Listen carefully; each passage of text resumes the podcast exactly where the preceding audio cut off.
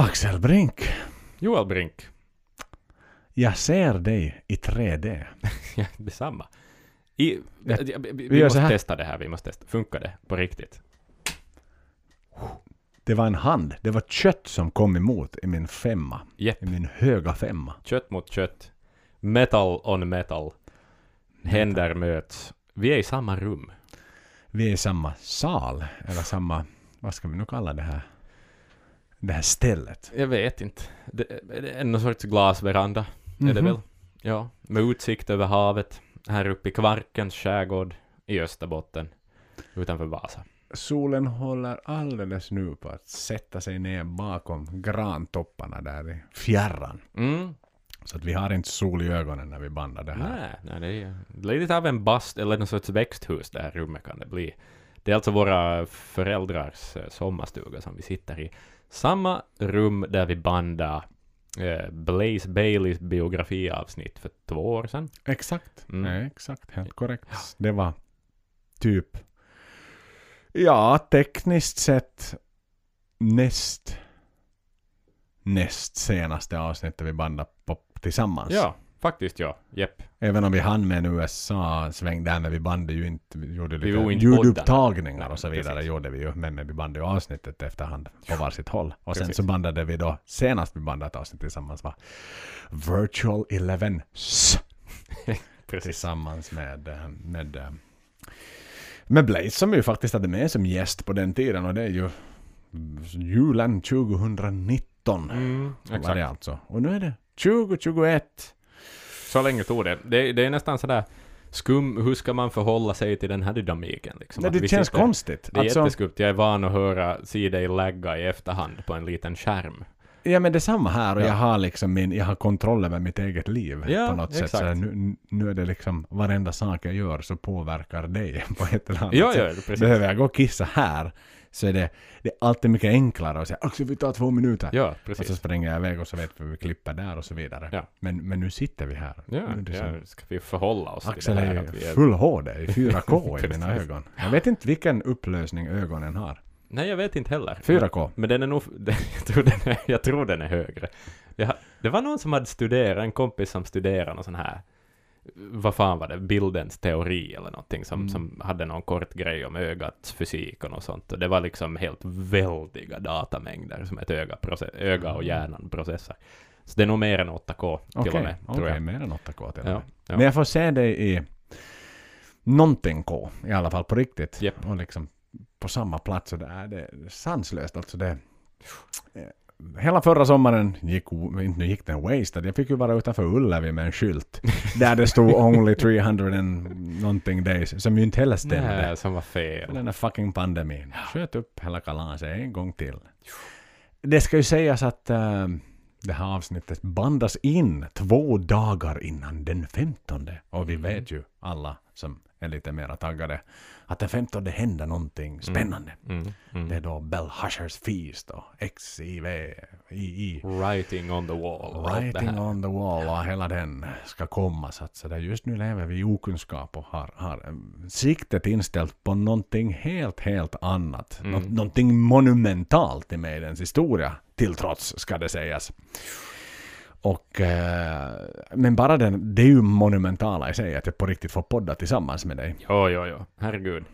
Liksom, Det är, det är nog stort. Det är Det är helt så roligt. Ja, det är helt galet kul. Alltså, vi, vi, vi har, kommer att ta lite bilder här som vi kommer att posta i samband med att vi släpper avsnittet också. Ett litet, ett litet fotoalbum kanske, Mm, så som ni mm. ser på, på våra Exakt. sociala medier ifall ni vill liksom se oss podda tillsammans. De gör ju faktiskt det. De gör ju det. Det, det är sant. Och jag har varit lite lost i samband med att vi... Jag flyttade ut från Maidenskrubben här i... När det var i våras. Mm. Jag behövde fylla den med massa skit. Mm. Varför man inte bara bränner upp skiten och bara bor kvar? Man är en nostalgisk människa. Man sätter sin lilla själ i sina små saker. Och det var därför vi har den här podden. Nostalgiska människor. Vi Och vi sätter vår lilla själ i små saker. ja. Ja, små saker. exakt. Så att, eh, men jag har ju liksom bara sökt mig runt. Jag har suttit i sovrummet, jag har suttit i, i, i matsal, eller matsalen, vardagsrummet och bandat och liksom jag har som aldrig hittat den här balansen. Nej. Men nu känner jag ju liksom någonstans nu. Mm. Nu har jag dig här. Det, det är Maiden framför oss en stund. Då. Det här är liksom vår Nassau-studio. Det här är vår Nassau. Det här, det här är verkligen liksom Kvarkens Nassau. Mm. Och vi har gått i bastu innan. Det ska det tilläggas. Jag har en Mm. schysst liksom bastu backslick. För mitt hår börjar växa ut. Jag har liksom ambitionen att Tänk om jag... Det var ju på det sättet en skänk ifrån ovan att allt sköts upp ett år till. Mm. Mm. För när vi vinner First to the Barrier-lotteriet Mm. till motherfucking Ullevi nästa sommar och till Polen och så vidare där vi ska stå. Tänk om jag på riktigt kan liksom stå och göra inte heliko eller helikoptern med håret, inte, inte den andra helikoptern. Den andra helikoptern. Men att bara få liksom stå. Vifta och svoscha. Ja, ah, ja. Jag har aldrig fått göra det i hela mitt liv. Jag, jag, jag gjorde det, jag hade långt hår när jag var tonåring. Eh, sen försvann det. Jag fick löss. Det var därför det försvann. Full disclosure. Jag fick löss i London. Aha. Mm. Så att no, det är ju ganska metal löss nu ändå. Det- i det London. I East End ska sägas faktiskt. Ja, ja, ja. Så att det var bra Steve löss. Harris löss. Ja, ja. Exakt. Det kan ha varit. Vem fan vet? Vem fan vet? Kryp in genom basväskan och ut genom backstage liksom i Ruskin Arms och Ja, sen ja, vidare. till liksom bara levt. Rodares Exakt. liksom uh, newsboy cap som Ja, jag sen har testat. Och sen i hade det liksom bara ramlat runt där och så kom det på dig. Ja, ja, så att... eh, ja, men jag, jag har lite samma mission faktiskt. Jag, jag har tänkt att före liksom... Före påvefrillan är ett faktum, så, så vill jag att det ska vara långt en gång till. Mm. Så att... eh, ja, ja, nej men det... det det är, det är ju lite jobbigt. Man är ju inte tonåring längre heller. och Man ser lite sjaskig ut och sådär. Och det blir jätteviktigt att hålla skägget i skick har jag märkt. För att om både håret och skägget är liksom uh, uteliggarkvalitet så, så att man liksom måste, man måste hålla någondera sådär slipat. Jo, jo, jo, oja, oja, oja. Jo, nej men annars så, så ramlar man liksom av, av, av bussen helt Jo, jo, enkelt. jo. Ja. Och vi vet ju så här vad Rod hade för synpunkter när Bruce började odla skägg under, under Mm. den här mycket beklämmande turnén som det ju nästan blev till slut då. Eh, Bruce odlar långt skägg och Rod sa att nu måste du satan ta bort den. Han rakade bort halva skägget vill jag minnas. Och Rod var liksom du kan ju som inte gå ut på scen och visa det sådär inte. Och han var ju så "Äh, fuck you liksom. Att lite, jag bryr inte mig mer. Du bara bokar mer. Du bara bokar mer. Du bara bokar mer. Vad ska jag bry mig? Det här är min lilla liksom, det var ju inte så att du frågade oss om är det okej grabbar att vi tar tre månader i USA ännu? Ja. Nej, du bokade för du var en businessman. Ja, ja. Då, då, då fan ska Bruce få ha ett halvt skägg om Exakt. han vill, tycker jag.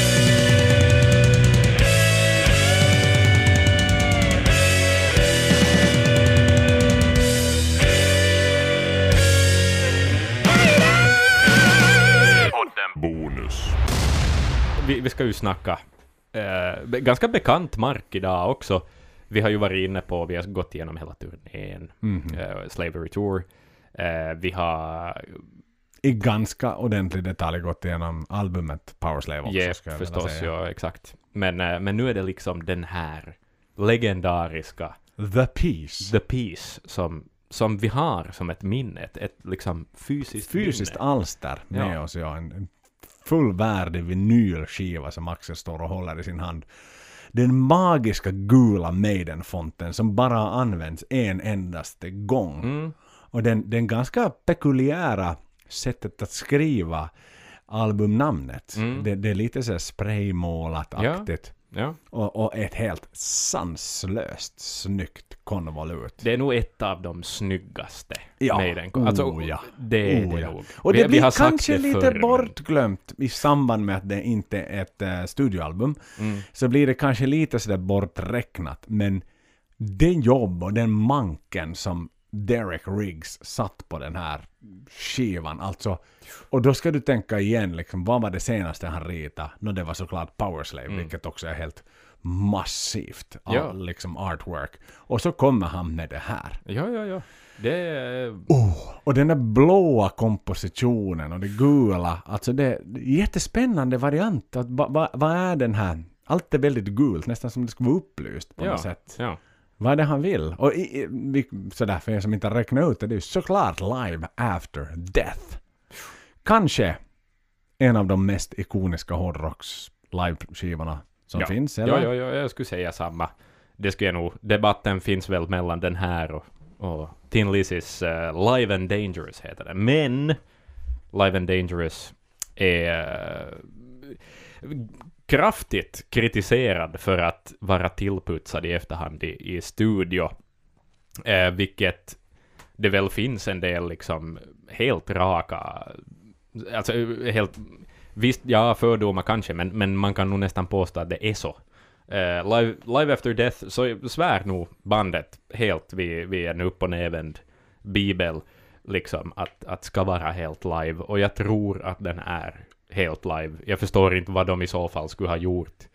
Liksom. För att li, det finns lite slarv med, det finns lite liksom sån här, då de inte riktigt kommer Det in på samma... Ja. Presenterar en Fear the Dark. English Stout här Axel. Wow. Ja, Bara tack. Den, den bara dök upp här Den bara studion. dök upp. Vad trevligt. vår lilla sommarträff och vår lilla bisittardiskussion. Ja. Den är bra den här. Mm, okej. Jag, har- jag, har inte druckit den förr. Den är mörk, en stout. Mm. Den är mörk men, men liksom Edvard är neonfärgen. Han lyser Ja. upp natten. Japp. Som man ska göra i Fear the Dark. Exakt. När han, ska, han är på väg ut i parken och debattera folkloristik. Precis. Det är det han vill prata om. Där ute. Ja men tillbaka till, till Mm. saken. Det, det, det är ju en liten festlighet det här också. Vi får sitta tillsammans. Det, det är sommar och det är sol. Ni hör måsarna i bakgrunden. Precis. Vi är liksom uppåt. Vi har inte tagit uppåt tjack, men vi har, vi har liksom tagit det bästa. Den organiska uppåt varianten som Finland har att erbjuda. Bastu Mhm. och bad. Ja, exakt. Ja, man blir, man blir ju energiska. Ja, ja, Så det är det liksom bara. endorfinutsöndring och så vidare. Så Och vi- det ska också, vi ska också nämna ett, ett eh, vår inofficiella eh, och oekonomiska sponsor för det här Mhm. avsnittet, som alltså inte sponsrar det här avsnittet alls. Vi har betalat för ölen själv och Joel har till och med betalat för en t-skjorta Ja. med nämnda bryggeri Kvarken Brewery, som alltså finns här ute i skärgården där vi sitter. Och eh, det är också, eh, ja, nej men det är som jag har sagt tidigare, jag skulle kunna liksom, jag skulle kunna vara sponsrad Nej, jag skulle kunna göra content som lyfter liksom Clas Ohlson-butiken till skyarna utan att någonsin kräva något betalt, bara för att jag tycker om det. Mm. Men det här är lite en sån situation på något vis. Nej men bra saker förtjänar bra grejer. Ja. Allt behöver inte vara paid. Allt behöver inte vara bara en bisak. Jag sitter i mitt jobb nu och liksom och vet du, håller på med, med ett gäng influencers liksom. Och det Ja. är så jävla kämpande och det bytes affärer. För det är ju sist och slutligen en jävla ekorrskinnsaffär du gör. Ja. Du byter, du får inte pengar av oss utan får en produkt som är ganska värdefull. Mm. Och så får vi då inlägg och så vidare tillbaka. Men liksom det där med immateriellt värde i Mm. vad ett x antal vet, tusen följare, x antal organisk, liksom deras organiska inlägg versus storyinlägg ska då motsvara x antal pengar. Mm. Medan min produkt som, som, som då mitt jobb så att säga har så är ju det fysiska grejer. Det är liksom, vi har en prislista och så vidare. Precis. Men det blir alltid den här konstanta liksom så här, ja men hur, hur kan man faktiskt säga att ett Instagram-inlägg kostar? Om vi säger 20 000 Precis, kronor precis. exempelvis. Det är som symboliskt och det är abstrakt och det är Ja men allt blir ju det. Allt Jo, blir ju men, det. eh, men hej, grattis eh, Kvarken. Exakt eh, ja. vi- vi är- Rekommenderar varmt Kvarken Brewery. De har massa olika öl också. Finns de inte tyvärr i Stockholm ännu men, men om vi hakar på där tillräckligt Mm. mycket. Det är, det är fint lokalt hantverk ute i skärgården. Mm, mm. Förstås, jag menar det finns ju säkert en miljon mikrobryggerier bara på Södermalm, så att konkurrensen är ju hög. Mm. Men, eh, men jag menar, nej, här får ni ett till. Här får ni ett till ja. Mm. Bra. Tänk om de skulle liksom få kontrakt, subkontrakt via Robinson Brewery att göra en sån här Nordic Maiden. Mm.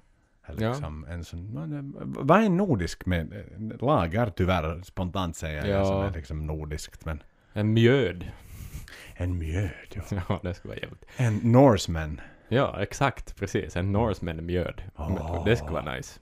Ja, och sa, om Sabaton lyssnar, ni behöver inte ta kontakt med nämnda bryggeri och ni behöver inte göra en ölutgåva. Nej. Tack. Och Nej. inte, absolut inte mjöd, rör inte mjöden. Nej. Ens med en pinne.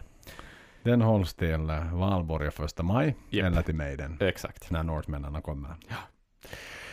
Fantastiskt! Men Live After Death, som sagt vi har, vi har trugat igenom de helt sanslöst många datumen Mm. som de ändå på, påbörjade då bakom järnridån i, i, i Polen var väl Mm. absolut första konserten gick av stapeln och så tragglade de runt världen. De var ju mer eller mindre överallt i förstås Europa, och USA, Australien, Japan. Rock in Rio då. Roger Rio så där flaxade de in och Mm. spelade tillsammans med Queen, om Ja. inte jag minns fel Japp, det stämmer.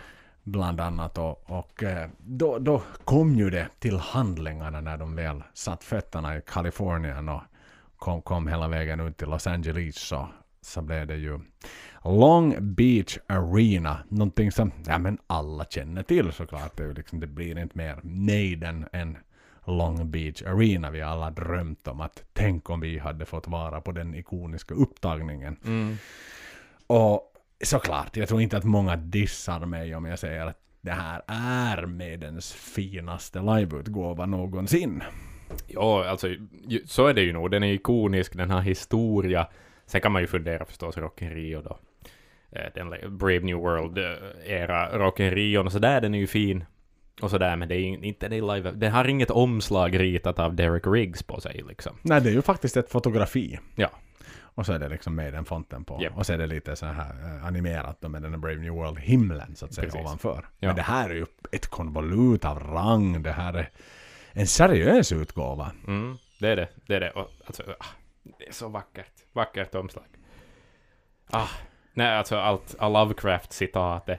Hur, hur Derek Riggs liksom har ritat de här bokstäverna ser så trovärdigt. Alltså det är ju en font. Alltså han, vet du hur, hur målar man med en pensel, eller vad han nu använder? Pensel? Mm. Det är nog det. Ja, är Oljefärger är ja. väl det han, han kör med.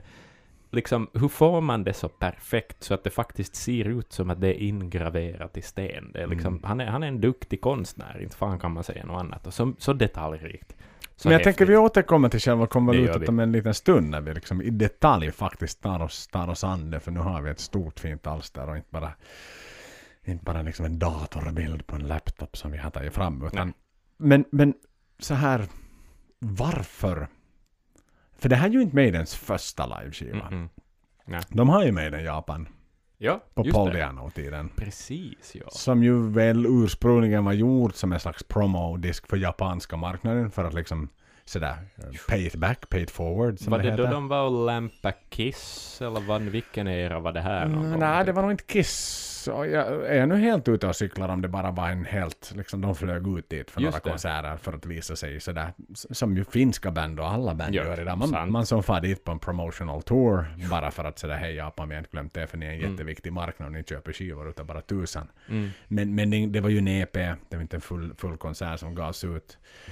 Eh, den gavs väl ut, var det nu i Japan först och sedan liksom i England i efterhand. Mm. Och, och även på andra marknader då. Men det var liksom en produkt för just japanska marknaden. Det här är ju någonstans, det här var från start en stor Mm. global utgåva. Man hade varit på, på World Peace Tour som headliner mot många liksom, många som nej men inte kan ni ännu fara som, ni Mm. måste ännu fara och åka liksom bakom. Mm. Åka vattenskidor efter något stort band, en turné till. Sen kanske ni är redo. Men där, där liksom stod väl Rod på sig och var så här, nu, det är nu, det är nu vi kör på det här. Mm. Det är nu vi blir liksom, nu knipper vi navelsträngen och så börjar vi, börjar vi vara de som själva säljer biljetter. Ja. Liksom headliner.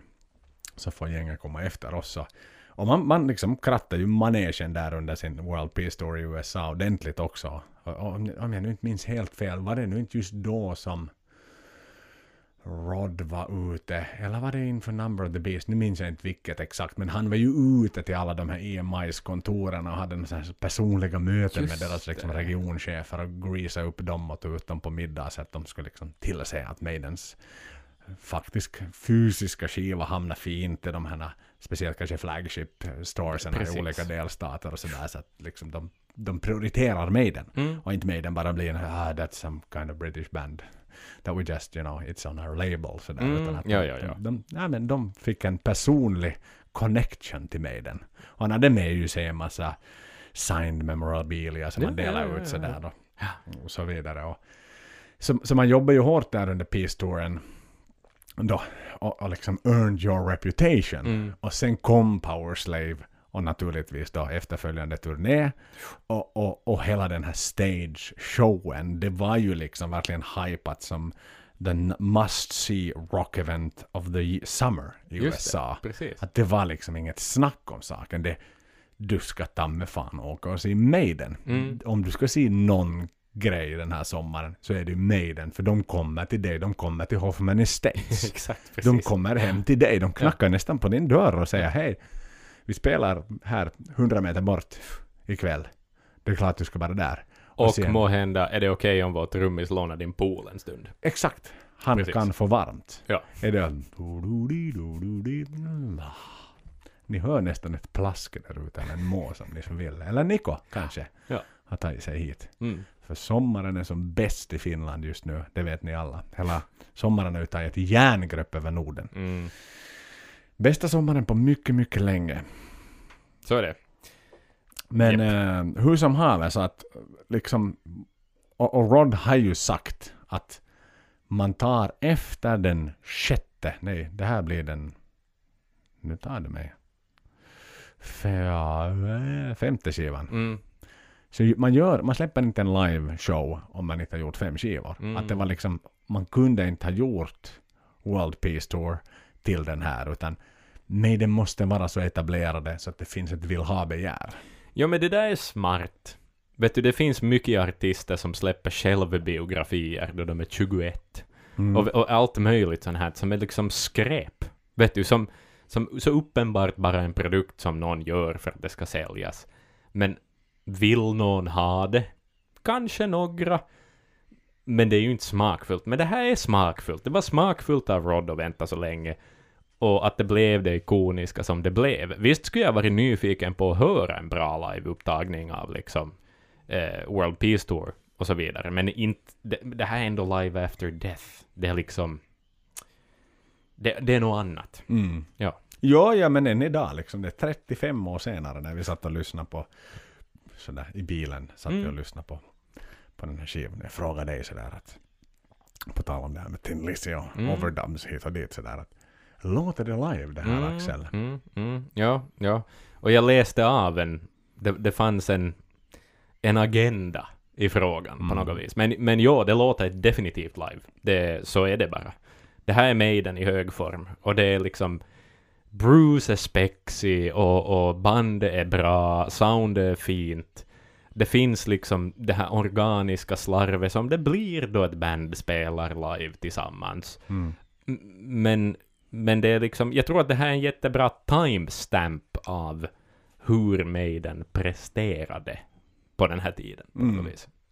Så är det och det lyssnar vi också på. Jag vill minnas vi lyssnar på. För vi ville lyssna på, i och med att Bruce är i ett så bra skick på den här Mm. tiden så, så valde vi att plocka ut också number, valde, vi lyssnade igenom hela skiten men vi specialiserar oss lite på Number of the Beast och How Be Thy Name. Mm. För där är ju någonstans det, deras det ikoniska skriket i Number of the Beast. Men sen också i, i Hallowed Be Name för den är som så... Japp. Och det är en hög liksom. Och, Att det, det är som att han inte bara skjuter ut, så puff, puffar ut. The night breeze come to read me the last right. Mm. Take a look to the bus at the last sight. Att det, men den... Så man märker att han är ansträngd, Mm. men han, ha- alltså han... Det, det, allt finns ju kvar, mm, men man märker att den här turnén har varit lång. Japp. Och, och, och just på tal om det här live, Mm. det hade ju varit en så enkel sak att gå, sätta, gå och overdubba, göra nytt. eh, Ja. Ba, ba, ba, ba. Ja, precis, precis. Slänga in det på nytt. Det skulle vara gott att göra Ja, sånt. Men det är med och det är man... Det är som autentiskt. Mm. Det, det, det är ett dokumentärt liksom arkivmaterial över hur Maiden lät på den tiden. Mm. Nej, och det är ju så här, Adrian konstaterar då liksom att sådär, den förlängdes liksom six months, fine. Nine months, fine. Och så blev den liksom extended and extended and extended. Så där att liksom till slut så, så blev det ju liksom bara ett, ett oändligt pussel. Vi satt och pratade i, bastun som vi alldeles nyligen har gått i. Och Mm. haft det skönt och härligt liksom att att det där att återgå till ett vanligt liv Mm. efter World Slavery Tour. Alltså, du har som levt i 120 kilometer i timmen nonstop. Mm. Du har varit, du har haft fullsålda läktare på de flesta ställen naturligtvis. Och liksom ett vill ha det är kvinnor, män, whatsoever liksom. Ja. Mm. Men, men alla vill ju liksom ha en bit av kakan. Journalister lokalt i Hoffman Estates har liksom rivit i dig för de vill prata med dig och så vidare. Och sen, sen äntligen, när Rod då till slut liksom konstaterar att nu tar det slut Mm. och sen ska du liksom gå, då går du hem. Mm.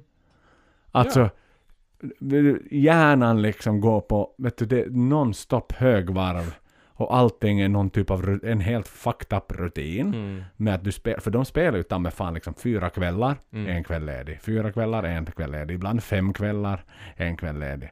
Alltså det har ju som, du, du, adrenalin, allting har ju liksom bara varit, du har levt livet i backspegeln Ja. på något sätt. Ja, ja, ja. Japp. Och, och sen då, när allt väl är över Mm. och ni ska ha er paus. Men vi pratar lite om det där i samband Ja. med att vi har semester båda Ja, två ja, nu. precis. Om, och det är det där med att man jobbar hårt liksom hela året. Ja. Och, och så väntar, ser man fram emot de här fyra, fem veckorna vad man nu må ha i semester och så, så här, nu ska man förväntas varva ner Mm. och sen ska man liksom tillbaks igen upp på hästen och jobba. Men, men bara det där liksom det tempo och liksom tidszoner och bara resa runt världen och liksom Och ju förväntningarna på dig. För jag menar igen, Ja. Mayday är ju med Steve i spetsen är ju Mm. inte något sånt här att jo, men det är helt okej att vi gör liksom skitkonserter Nej, här i tre månader i sträck. Att liksom, gör, sitt lite ner och så gör vi det lite halvdinglande, liksom ingen märker. Nej, det går inte. Utan det ska ju som, du Ja, ska ja, ju ja. perform on top fucking level Ribban hela hög. tiden. Ja. Och de är ju så tidigt ute igen, det här är 85. Mm. De har ju för sig släppt sin liksom kioskvältare Powerslave. Men inte de är ju på väg liksom att tacka för sig. Och det är ju Nej. kanske en liten kritisk tid för hela det här Baham, New Wave of British Heavy Metal. Att sakta men säkert börjar de här liksom pionjärerna ramla av. Mm. Vi har varit jättemycket in på det här med trashen och så vidare och kommer in att någonstans liksom claim the throne Ja. är ju... Du har den redan i din hand. Men du kan inte tappa den här crystal ballen nu. Nej. För det är så lätt att någon annan på stegen, hej titta vad jag hittade en crystal ball. Mm. Och så blir jag liksom the big thing. Precis. Och, ah, Blir till Eddie som liksom kliver upp ur marken som på omslag Ja. Ja. och, och igen hur bombastisk den här turnén var. Mm.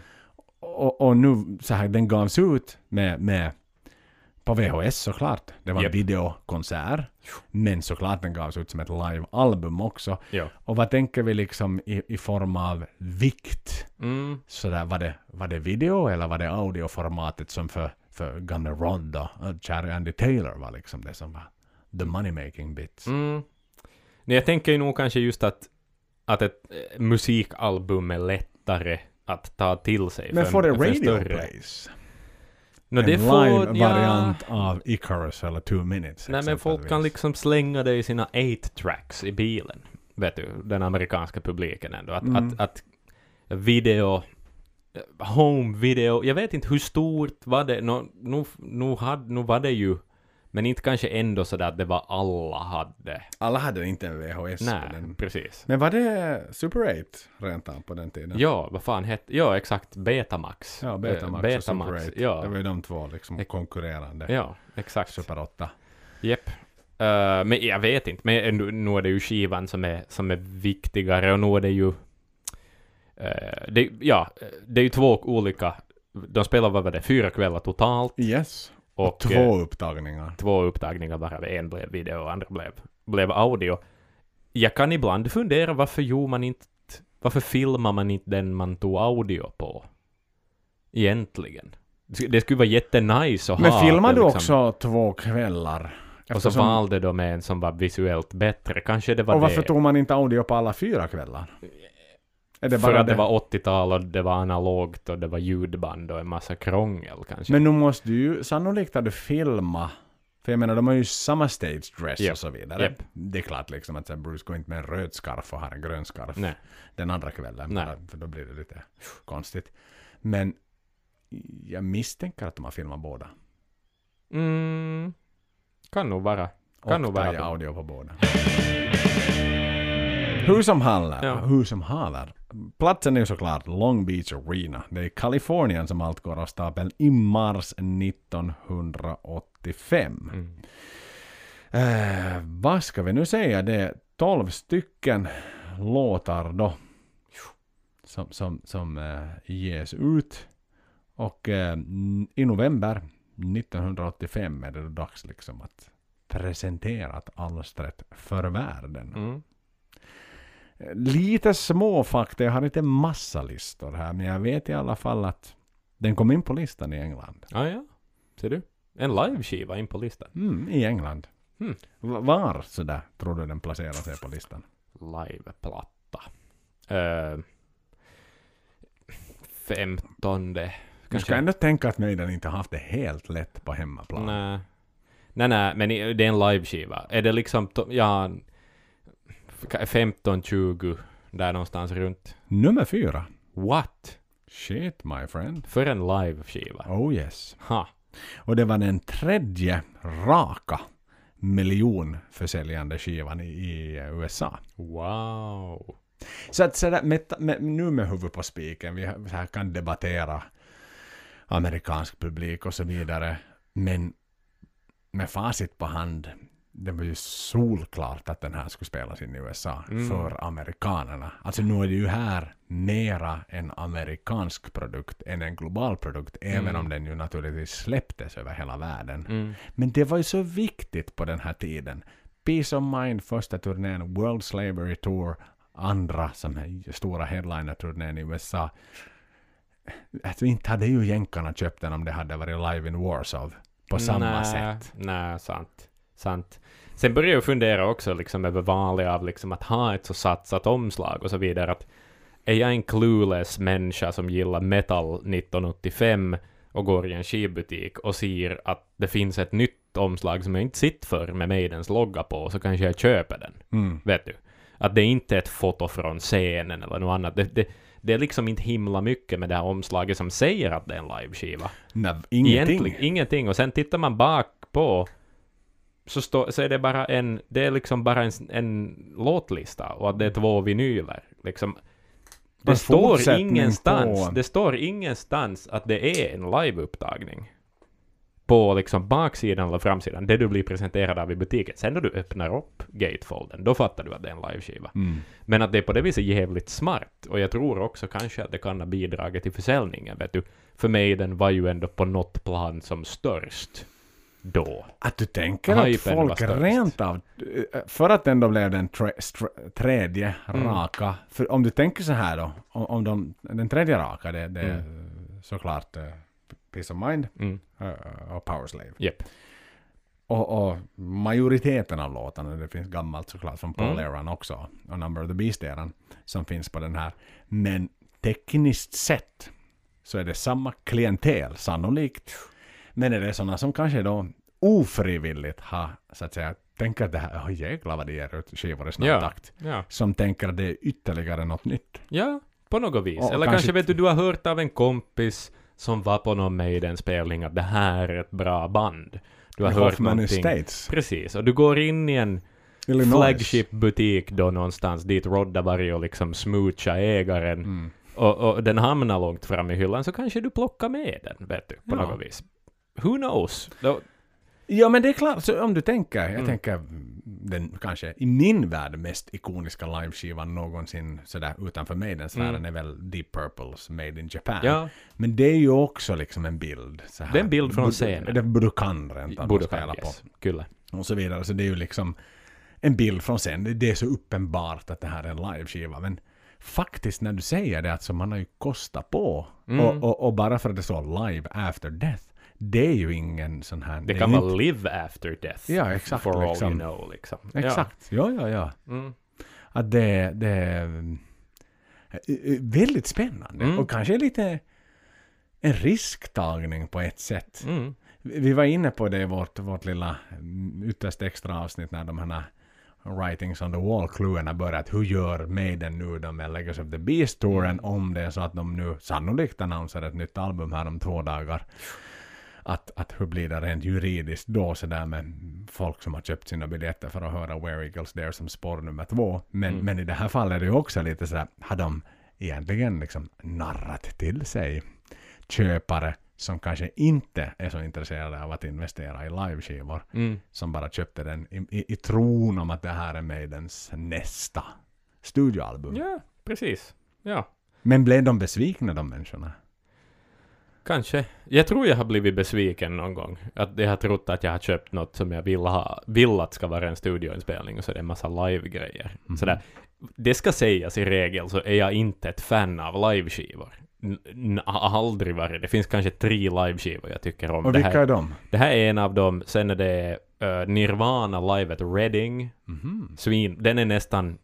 Det är inte den där Whiskats, vad den nu heter. Den som gavs ut den officiella utgåvan, den här Live at the Whiskats. Nej. Katt, jag Nej, den, jag tror den bara heter Living, Live at Reading. Men det är en officiell utgåva. Det är en officiell uh, För liveplatta. de har uh, Unplugged in New York och sen har de den här At the Banks of Whiskas. Ja, At the Banks of... No, ja, precis. Ja, vad Är det den som är. Reading? Nej, det finns en som heter Live at Aha. Reading bara. Jag tror... Den är liksom... Energin är så extrem så att den är liksom... Nirvana har aldrig låtit bättre. Alltså de låter nästan bättre än på Och den tredje? Och den tredje då? Eh, ja, vad skulle den tredje vara? Nå kanske det är typ Unplugged in New York den då, eller någonting. Men, men, nu, men det är sen då igen eh, kanske inte ens en liveskiva tycker jag. Det är som ett album i sig nästan. Eh, vad skulle den tredje vara? Jag vet inte. Vad fan det skulle vara? Men nu är ju Jag kommer inte på någonting. Made liksom- in Japan. Nå, nu är Made in Japan bra. Purple. Men inte sådär att jag håller det som... Jag, har inte lyssnat igenom den liksom 15 gånger eller någonting Det sånt. Utan det är liksom... Ja, för mig är det ju någon klassiker. Ja, ja. Men jag vet inte, jag- jag tycker så här livemusik ska upplevas på plats. Mm. Jag tycker att det sällan blir himla bra inspelat. Och liksom, det ger inte mig himla mycket annat än Och sen är det ju så liksom... mycket att som du tittar på hur, nu var det här den första Maiden liveskivan någonsin då, Mm. bortsett från, från uh, Maiden Japan. Men hur Maiden också tar så lättvindigt idag på liveskivan. Ja. Steve proddar, lägger sig The Beast-skivan, den, den Ja, suger ljudmässigt. den- ja. Den har bra låtar och de framförs bra. Mm. Dance of Death som vi kollar på här och recenserar, eller recenserar, diskuterade ganska Ja. nyligen. Det är också ganska sådär Ja, hastigt ja, liksom. Det är fram med bröd. Nej, vi hade inget annat än smör i, i, kylen. Okej, vi brer på så äter vi smörgåsen Ja. med bara smör. Japp, exakt. Och, och, medan den här är ju liksom, om vi tänker tillbaks till hela... Det, det är Martin som har mixat den. Precis. Han var hemma i England, de var ute på turné. De skickade liksom skiten åt honom. Han skickade två låtar i taget för Mm. dem att liksom så här, lyssna till det rätt eh, approach jag har. Uh, vilket kom in på att Martins liveskivor innan Maiden. Ja. Såklart, han har ju gjort Rainbow, han har gjort Purple. Mm. Men eh, hur ser hans... Live-resumé ut, ja. Det har jag faktiskt ingen aning om. Det har jag ingen som helst aning om. Jag tror vi behöver ta vän av Google här nästan. Det behöver vi nästan göra för att jag menar han har inte eh, på det sättet liksom Han är ju en skivproducent liksom. Han är inte en live-mixare. Eller som på det sättet, vilket det här ju ändå är. Eh, på något vis. Vilket också är intressant, de har ju en, de har ju en front of house mixer på plats. Varför inte den människan som har mixat mm, liveskivan? Är det, är det kutym att ha en annan producent att komma in och li, mixa liksom livespåren? Mycket, och bara en sån grej, hur, hur får han materialet? Vet du, hur, spelar de in, fanns det här liksom på 24 spår? mm. Han var med på Purple-tiden gjorde han ju Made in Europe 76. Aha, okej, just det, precis. Och Last Concert in Japan. Just det. Bland annat. Så han har nog gjort det. Han vet vad han gör. Han vet, vi vet nog exakt. Och, också för Rainbow on Stage då. Ah, just en livekonsert och så vidare. Så, så inte var det ju liksom helt sådär, vad ska jag säga, vilt. Att, att bara för att han producerar plattan så skulle han naturligt också prodda liveskivan. Han visste ju vad han höll på med. Men, men just det här med att han skickar ju då samples till, till såklart nu, Mm. mainly till, till, till Steve. Liksom att Ja. låta det här live enough. Ja, exakt. Och hur gjorde han... De Ja, är i en buss i USA. Ja, för de var under pågående turné. Ja. Och han sitter hemma i England och man uppenbarligen molnet, moln fanns, men inte moln Nej, som vi känner dem i. Internetmolnet. Nej. Så hur, om vi nu ponerar, Maiden då, allting är in the can. Jim Jukic har liksom klippt och klistrat och liksom håller på att brinjära livet där i några manuella betakassetter Mm. liksom och klipper band bokstavligen Mm. och sätter tejpbitar och sådär. Exakt. Och sen så sitter Martin och gör dito hemma med allting. Mm. Och har x antal format den ska ut på och så vidare. Där kanske vinylen är liksom number one. Yep, men kassetten är jättestor. är också liksom. jättestor Ja, för det är ju kanske ändå... precis. Och CD, som ju också är ett faktum. Det ges ut på CD. Och, och liksom... Men hur får de... Får de då en kassett, en CD och en vinyl skickat åt sig av Martin Birch, som han hux flux har... För vad är formatet? Och jag antar att det är kassett för att det är det, enkla, det, är det minsta, det går att posta, men litar man då på att det ljudbildsmässigt funkar? Eller, vet du, det är så, jag har så många frågetecken om hur det här funkar. Och- Och är det Eller någon DHL någon Express till någon vet du, kiosk Men någonstans i en fanns det ju stad på de är på den väg tiden till? den typen av, liksom, du kan ju inte tracka ett paket som är en app idag som du gör, utan hur, f- alltså, eller har du bara haft någon med roadie som har liksom åkt flyg fram Ja, och det tillbaka? kan också hända. det liksom, är riktigt bra. British det är Airways, bara. Ja. Okej, här Steve, här kommer två, nu har jag Aces Higher Churches Speech. Okej, sen nästa, nu kommer den här och den här. Här vi Ryman rymdes bara på en kassett, så nu får du bara en låt.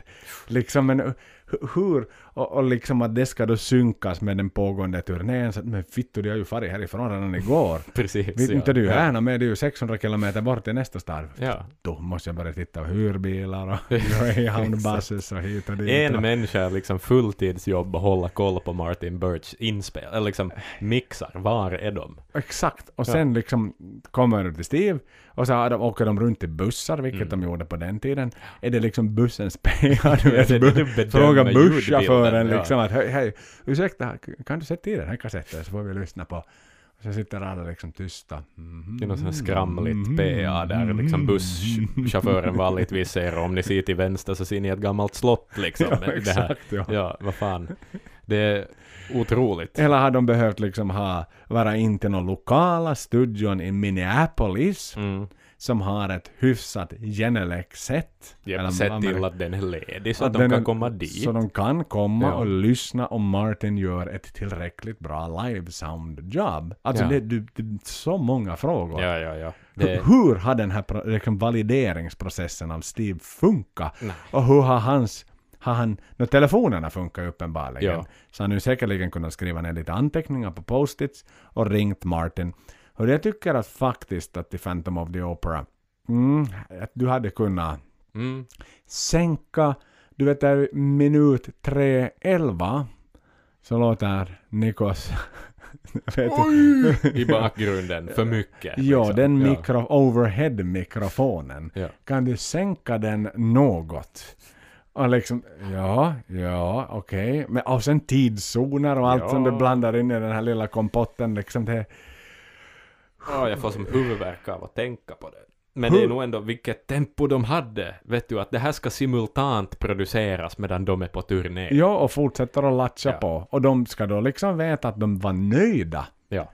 Jo, jo. med att det som spelades på Long Beach är det. De får ju som egentligen inte göra en bättre konsert senare, Nej, tekniskt sett. nej. För att då skulle det ju som bli Satan den där Hoffman Estate som vi gjorde, den var ju liksom, allt var så väl performat. Bruce var utvilad för en gångs skull, han hade fått sova 12 timmar. Ja. Hade haft en ledig dag när han hade fäktats lite och få, få liksom bara chilla. Mm. Och den här var ju en liksom kick-ass liksom Ja, fucking show. Ja. Japp. Men nu får vi nu bara leva med att den här jävla Long Beach var the best of the best då. Ja, Sådär. vilket det kanske inte heller var.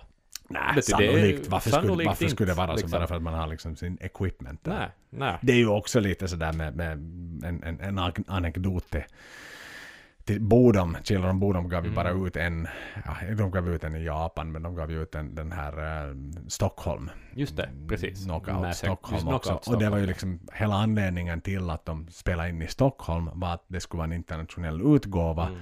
Och även om de hade sin liksom core following i Finland så, hade ju Alexi, numera från, frånlidande naturligtvis, mm. hade ju sagt då att, liksom att vi kanske inte står och pratar engelska mm. i ishallen i Helsingfors. Nej, det att, liksom, dajut, liksom. att, att ja. det blir konstigt för en finsk publik, då ska man prata liksom sitt modersmål med dem. Och mm. därför, därför liksom satt de den i Stockholm på något sätt då. Mm. För att liksom kunna prata engelska med dem. Precis, just det. Ja, ja, ja, ja, exakt. Så det är mycket sån här Ja, ja men du må, alltså det är ett beslut ja. du gör långt innan naturligtvis ja. när du då ska göra Long Beach. Så att Jim Jukic ska kontakta sig, han tillgänglig som regissör, alla ljudkillar, alla liksom hans filmcrew och så vidare. Jo, jo, han har sin tomt i kalender, för det är liksom, inte vet jag. Allt, allt. Ja, han var ju exklusiv med den producenten ja, förstås, ja. Ja, ja, ja. Men ändå, han kanske ville ha Lomma. Vem, vem fan vet liksom. Ja. ja. Nej men det är det är intressant. Det är jätteintressant. Och det var liksom ett beslut, ett beslut. Och då gjorde man det här. Och det här är vad vi fick. Och det, det är också en sån här... Jag vet inte. Kanske man borde ha mer en sån attityd överlag i musik idag också, mm. tänker jag att, att ibland får lite slumpen styra. Att har man bestämt någonting så är det det det blir och då Inga är det... overdubs. Nej, exakt. Och man går inte tillbaka. Nej. Utan det var... Det var vad det var. Man, man står för... Det var så här vi lät då. Vi spel, det var helt bra keikka. Faktiskt, för att återgå till din favorit liveskiva, utöver Live After Death, mm. Made in Japan, Deep Purple, så finns det här i, uh, bland uh, liksom, uh, det tryckta materialet i vinylskivan så finns det live recording thoughts by Martin Birch och här läser jag faktiskt att the first live album I ever recorded was Deep Purples Made in Japan mm -hmm. 1972. Så att han var med där också. Så han vet nog han vet vad i helvete han håller på med, men då var han alltså på plats antar jag då och spela mm. in. Mm. Hade ansvar över inspelningen. Han kanske inte producerade den, för han jobbar ju om du minns. Han var som från, tekniker. Från hans avsnitt. Han, det började med att han var tekniker och ja. studio engineer och så vidare innan precis. han då fick, fick det totala ansvaret och började prodda. Och så vidare. Och, och, det kan ju faktiskt också, jag, jag tänker det kan ju också sägas då att uh, att det var ju inte, det var 52 000 då mm. Eh, på fyra nätter. Bara för att liksom sätta en storlek. Vi spekulerade kanske i storleken på venuen. Precis, ja. 52 12, genom 4, det är 12 000 kapacitetsarena ja. i alla fall. Mm. Och, och, och de såg ju det egentligen som en så här, nästan som ett slags klubbkonsert. Just det, precis. Egentligen. Och att eh, sådär, igen, för att komma tillbaka till det som Steve alltid går in på, att allt handlar om att liksom record live. Mm. Att, att, att det, it's all about playing live Maiden. Och, och jag minns, vi, det var något, någon, någon intervju med Steve där han sa liksom att tänk om vi skulle till och med kunna banda in nästa skiva live och de hade ju skojat mm. där i mm. studion också i samma tid att om man skulle ha cardboard cutouts Mm. Vilket är lite så här covid-vibbar. Du vet, jag kollade på hockey under corona. När ja, det de i publiken, de där jävla cardboard-gubbarna. Exakt, så kan ja. du då som fan av till exempel en klubb, vet du, så här, få, köpa en biljett. Ja. Så, så, får du liksom en cardboard cutout av dig själv i en, en då, name any hockey jersey. Liksom, ja. Som sitter där på läktaren. Så, mm, ja. så att Little did Steve know. Sådär. De hade ju kunnat ha sin Legacy of the Beast Tour under 2020, ja, ja. under 2021 med cardboard cutouts. Precis, liksom. men någon sorts, liksom, du vet med sådana trådar bakom lemmarna så att man liksom, någon kan gå och dra i folk ibland så att liksom en arm viftar ja, på något vis. Sådär. Nej men Eddie, vet du, Puppet Master över djävulen på något ja, vis. Ja, ja, ja, ja. Absolut. Yep. Ja, men det hade ju varit fantastiskt intressant faktiskt. Ja.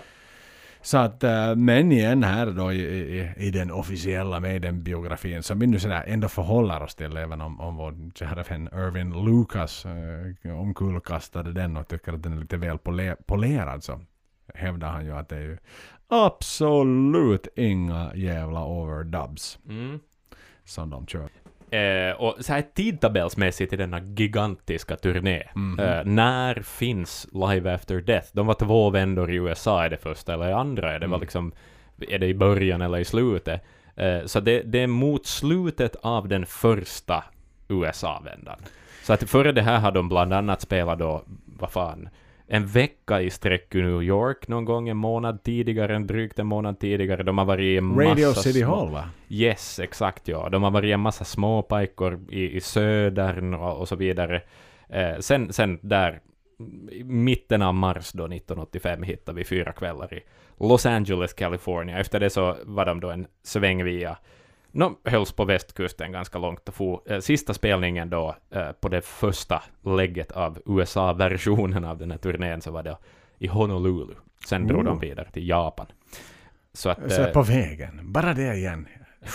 Vi var inne och vi var lika amazed när vi pratade World Slavery to avsnitt att Maiden har spelat i Honolulu. Ja. Vad fan, det måste ju vara enda gången. Ja, jo, ja, det var den enda Jo, gången. men det var för att de visste att de skulle till Japan. Jo, på något ja, vis, så liksom. tänkte ja. jag, mm, what the fuck. Några biljetter säljer vi väl om vi liksom tar ner flygplanet här. och- Ja, och exakt. in. De gjorde en reversed, liksom, eh, Pearl Harbor. Strike back. Exakt ja. Ja. Bruce med sina små Spitfire-plan. liksom, Precis. Harry som bara den. Inte hade någonting med saken att göra. Nej. It's the wrong war, it's the wrong war. it's supposed to be over the English channel you fucking... Exakt. Nej men det, det jag, tänker att vi lite vänder oss. Vi var inne på det här konvolutet och hur Mhm. vi då lurade den amerikanska publiken att tro att det är de facto ett, Ett, ett, ett album. riktigt album. Och, och, och då som sagt, Derek så han hade ju till och med namnförslag på skivan. Aha. Den, den skulle absolut inte heta Live After Death. Utan Aha. han, han var ju som cocky på den här tiden. Han, han, han hade bestämt vad den här plattan skulle heta. Okej. Innan Maiden. Han ville att den skulle heta Let It Rip. Som är R.I.P. Rest ah, in Peace. Ganska snyggt det också. Det skulle passa jättebra med omslaget. Mhm, verkligen. Och det, de facto om du tittar, om du tar upp skivan så ser du ju att eh, på en av gravstenarna på baksidan av konvolutet så står det, har jag för mig, Let It Rip. Här står, eh, no, det finns Here Lies Derek Riggs, R.I.P. ja, här, sti- eh, här finns massa. Freedom of Rock. Fyndigt brittisk humor. Eh, R.I.P. Live with Pride. Here Lies Faust. In Body Only. Eh, vad har vi annat? Sen har de faktiskt klottrat på det omslaget med en tusch. Ser jag här. Hemska saker. Jim Metal Lives. Och sen bara Thank You and Smiley står det på en. Let It Rip står det på ett kors. Nere i högra hörnet. Mycket Mm. riktigt. Bra. Så, Ser du, så ser han du? fick in Han den fick in det. indirekt. Men om du tänker på den stora grav. Alltså, för Eddie har ju uppenbarligen om, om vi tar en stund och studerar vår kära Ja. Eddie, för, för han är ju mer aktuell nu än någonsin. Om två dagar, Mm. när vi, eh, så vet vi någonting nytt om Eddie. Japp. Senast Eddie var, ett, eh, var ute på, på, på i farten så att säga var han en Maja. Så Mm. vad är Eddie till näst? Men här också, här har han blivit... Jag har ju svårt att inte dra paralleller till No Prayer for the Dying konvolutet Mm. och Live After Death. Alltså det känns ju som ett... No Prayer for the Dying konvolutet är ett sånt måndagsexemplar Ja, av det Live här. After. Death. Det är liksom ett sån här... Det är liksom Dereks halvbror som Mm. fick ett försök Ja. sådär av, av någon slags schyssthet. För att det är sådär, nåja, vad spelar det för roll? Vi ska byta, byta liksom spandex mot ledarrockar och jeans. Ja. Men, men här, om du tittar på Eddie, han är bojad. Han, han, Ja, han är han är ju bojad. död. Ja, han är alltså död, ja. uppenbarligen är han på väg upp ur en grav. Men han har, han har blivit, är han levande begravd Eddie? Ah. Eller liksom medborgare? Ja, så att han inte ska slita sig ur, ur, ur kistan, liksom, på något vis. Ja. Eller då, vad det nu för, än för vara. varför har han Bojor? Är han, in, han har ju inte varit dödsförklarad innan han sänkts till jorden. Nej. För då nej, hade han aldrig nej. behövt Varför fan ha... skulle han ha bojor annars? Med lås på? Ja. Ja. Och det där har jag blivit att fundera på länge. Att liksom, de har ju gjort en fuling och sänkt ner honom levande. Ja. Under three, nine, vad heter det, six feet under. Mm. Så att säga. Ja. Och en, vad fan står det på den här stenen? Här är en quote av H.P. Lovecraft. Så står det så här. That is not dead, which can eternal lie. Yet with strange eons, even death may die. Eh, jag vet inte vilken Lovecraft eh, novell, han skrev noveller mest, som den, uh, den där quotar. Jag har läst själv en. Jag har, jag har läst Call of Cthulhu, enda jag har läst. Men det kan nog fan hända att det är en Call of Cthulhu, eh, det där quote. Men hur är det med rättigheter där? Mm, sant. Jag vet Måste de be inte. om det? Måste de be om det? Ja, inte kan de ju bara Antagligen. Jag vet, om han, jag vet inte om han levde då. HP, han var ju... Sekelskifte 1800-1900 var det en sån där horrorboom. Eh, det var väl eh, Edward, Al, eh, Edward Allan Poe och H.P. Lovecraft kanske som var mest sto, Edgar. stora på det. Edgar Allan Poe, ursäkta. Det här har vi Edward på omslaget, det var därför jag, jag blandar. Men ja, Ed, ja, ja. Men, men jag tänker som idag igen, alltså det är ju ytterst aktuellt. No, Steve har alltid varit liksom, det är poems och det är böcker och så vidare och Mm. såklart liksom Rime of the Ancient Mariner.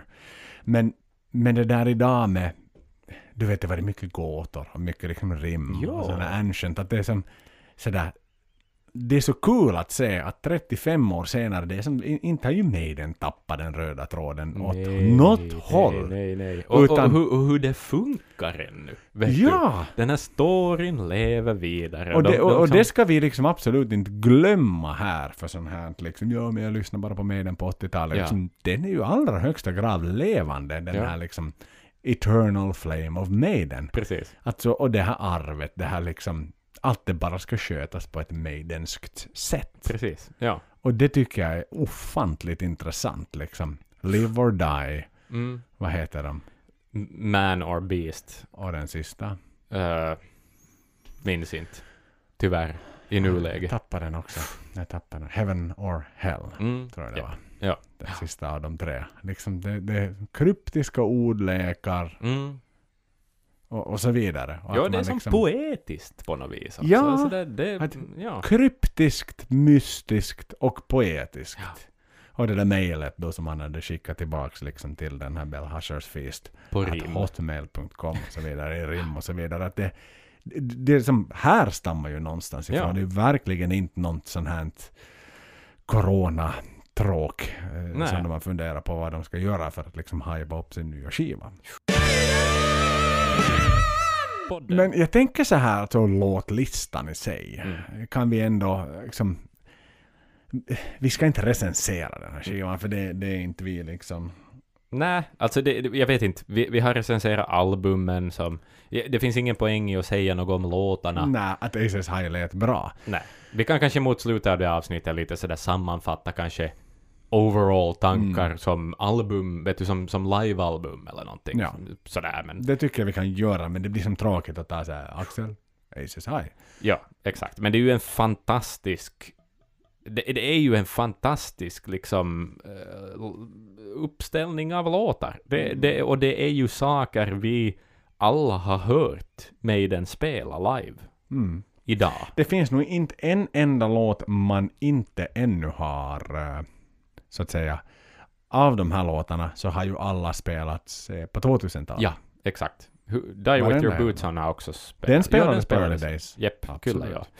Ja, ja, ja, ja, exakt. Så det är ju liksom, där igen är ju också ett, ett faktum varför det här blir en klassiker och varför den håller i sig ännu idag. Mm. För att som på något vis som ett sorts best of-album av prime-era 80-tals Mm. Maiden så är det ju allt man behöver Mm. också. Och ja, ja, ja, det är en solid lineup eller em, liksom, ja, det är fina, fina, fina låtar på den här skivan. Det är, Det är gammalt, det är nytt och allt funkar live. och, och, än en gång liksom, det, det, det, Live After Death är en direkt anledning till att man gjorde Somewhere Back In Time. Mm. Det är ju liksom, tänk för oss då.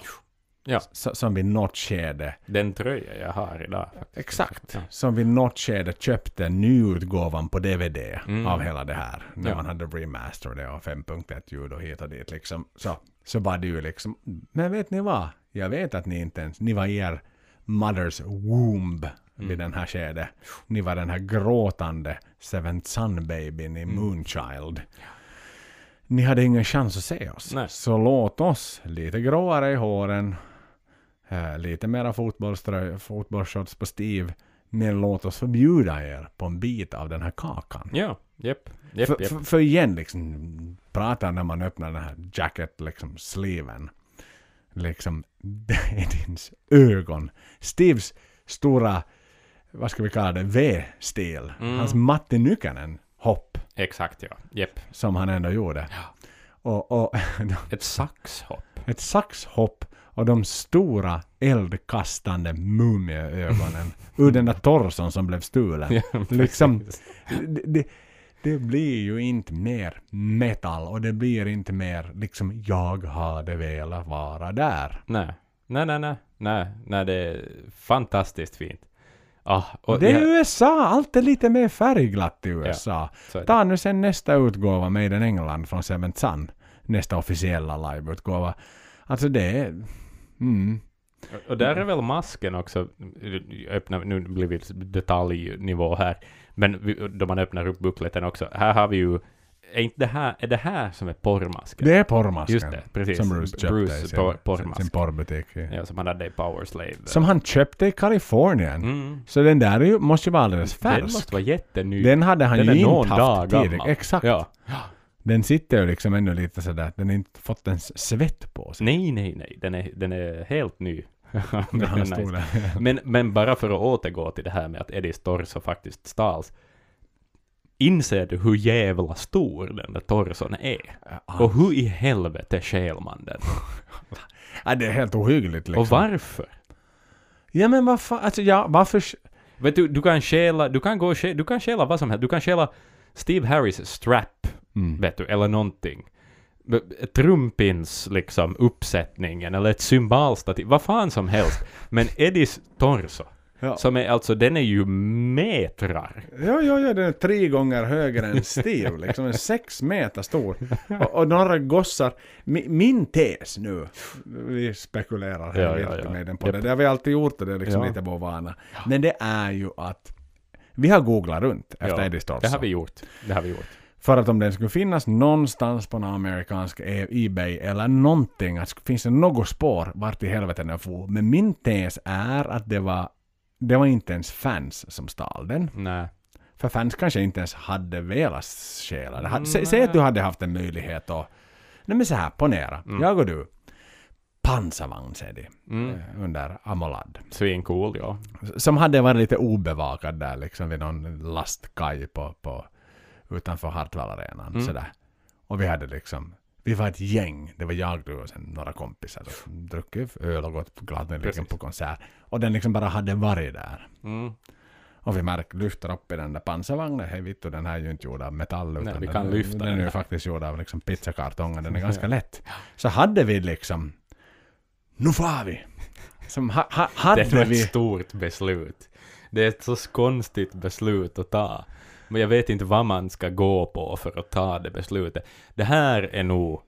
Det är nog, det är nog speedat folk som har knyckt den Ja, här så min jäveln, tanke alltså. är ju att den har ju luggit obevakad i form Ja. av att man har rådat ut och som man... Och ingen tänker att den st- blir stulen. Nej, så den ligger ju någonstans och vilar. Den är inte inburen i en lastbil ännu, utan den är någonstans på sidan. Och sen är det något förbipasserande. Mm. halvspeedat folk som inte ens är Maiden-fans, som Nej. bara har farit iväg med den. Som, jag har, har vaknat upp med en... Nej, men du som folk jag har som... tagit en julgran som jag har sett i min tambur till exempel efter en trevlig liksom, festkväll. Jo, jo, Och eller så någon jag- som stjäl en vet du, matvagn och Ja, fan ja. är för någon backe. Ja, men med den, exakt. liksom. Ja. Nej, men jag upp med- Random havoc. Japp, liksom. japp, japp. Ja, exakt. Och- Ja. I det här fallet så tror jag ju faktiskt inte att Torson längre finns. Nej. För hade det varit fans då, så att du hade haft någon sån här pickup guy liksom, du vet som, som åker på, på han bor i skogen och Mm. liksom vet du, riktigt sån här freak vet du, som, Mm. som vet du, tittar på små flickor på vardagarna liksom. Och det hade ju kommit fram. Mm. Det finns en amerikansk eh, fan som har liksom allt i sin källare med den. Alltså Precis. den hade ju funnits hos honom. Det Ja. på ett eller annat sätt, för han är liksom Mr. Maiden of USA. Ja. Jag, jag minns inte vad han heter, men jag sitter nog i många sammanhang det, i alla fall. Så det, och, och, och han är ju så här riktig, liksom när man sen sitter någon sån här...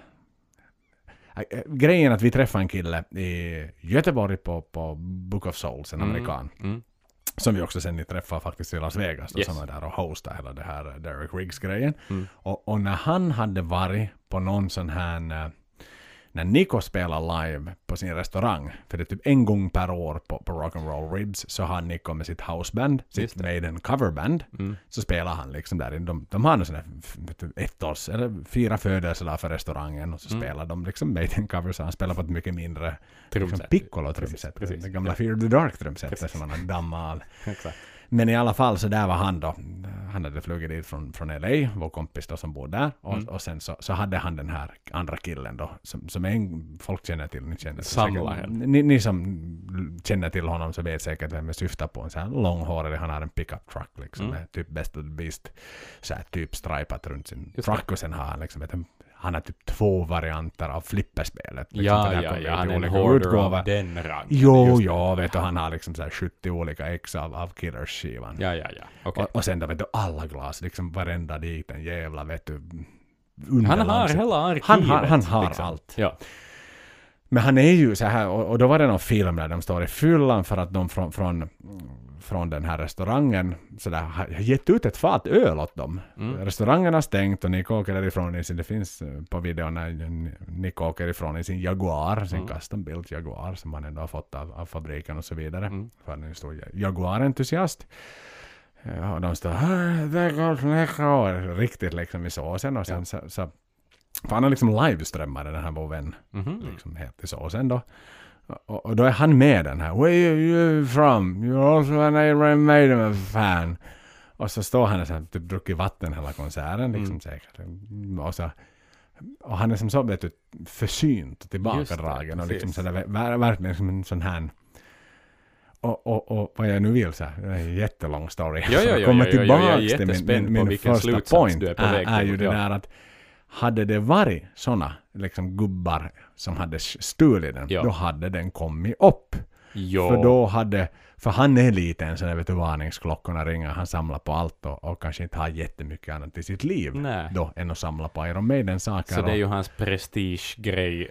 Ja, och det är ju, Ja. han blir ju en social mediehjälte. Ja, för ja. liksom sådär, vi pratar om, det pratar jättemycket om nördar liksom i Facebookgrupper om Maiden. Och sådär. Vi, vi är ju vi är inte det, utan vi, vi är ju Nej, vi är posers. inte på den liksom, nu, I den här gången är vi glada för att vi har en fucking vinylskiva att fladdra med. Liksom.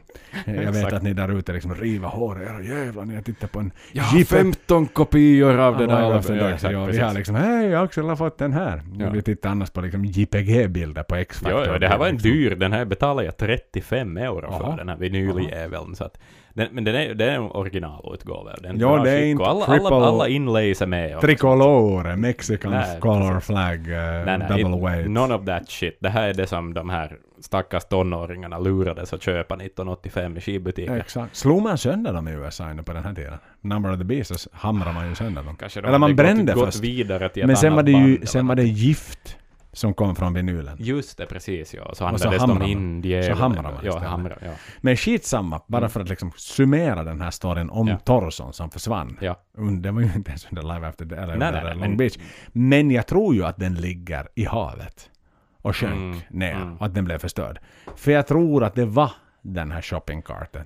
Precis. Jag tror att det var den här grejen. Vad i helvete Vad i gör helvete gör den här i min tambur?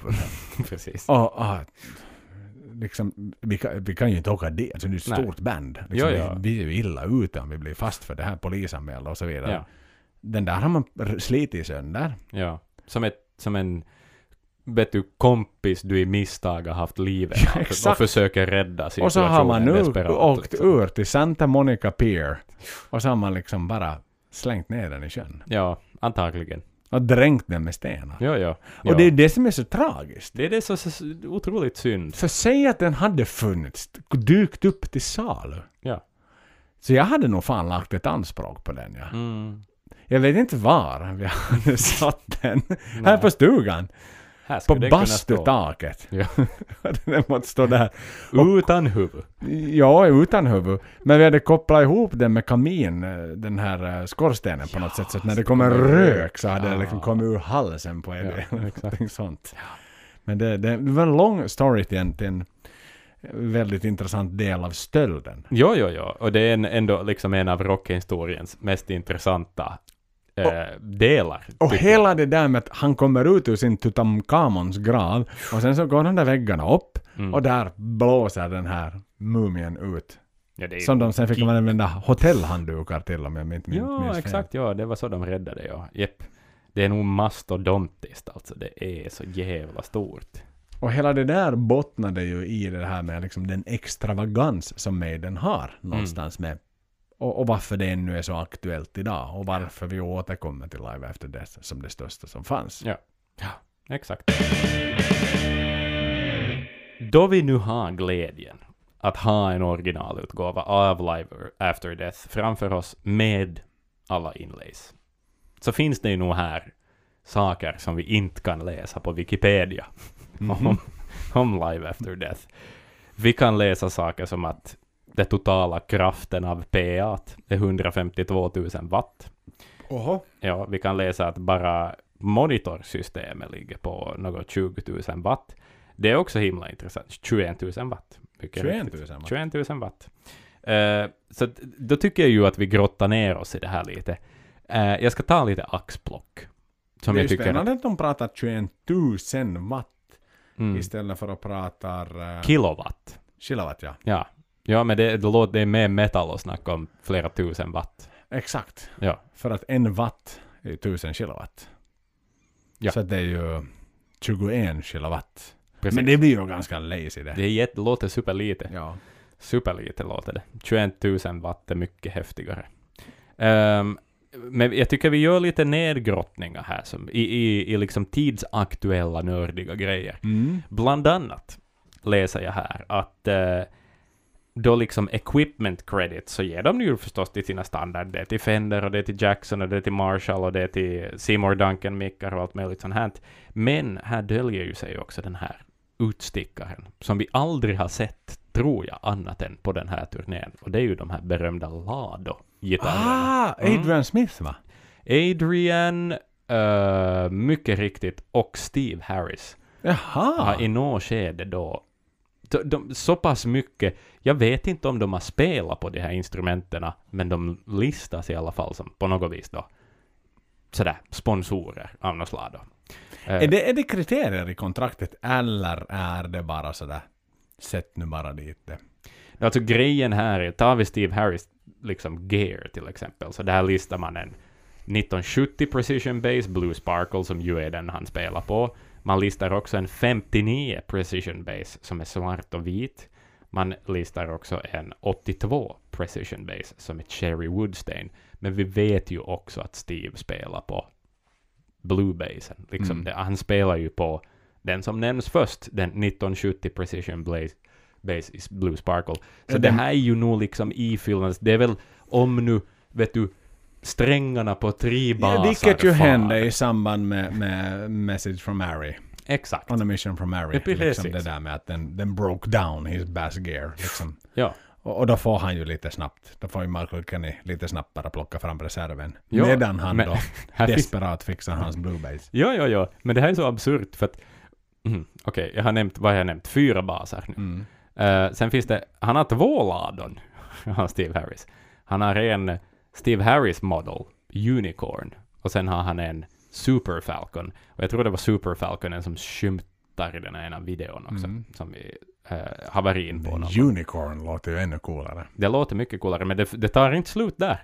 Det tar inte slut där. Här ta, finns också en Ibanez Roadstar, som ju alltså är en japansk Fender-kopia mer eller mindre på en Precision Bass, har jag för mig. Och en Dunn Electro Longhorn, som är en jättekonstig bas. Så att det finns alltså i Steve- Steve Harris ego en Dunn Electro Longhorn, som är alltså en mycket, det, det var så här som skumma typ uh, glamband på 70-talet kanske skulle jag kunna ha.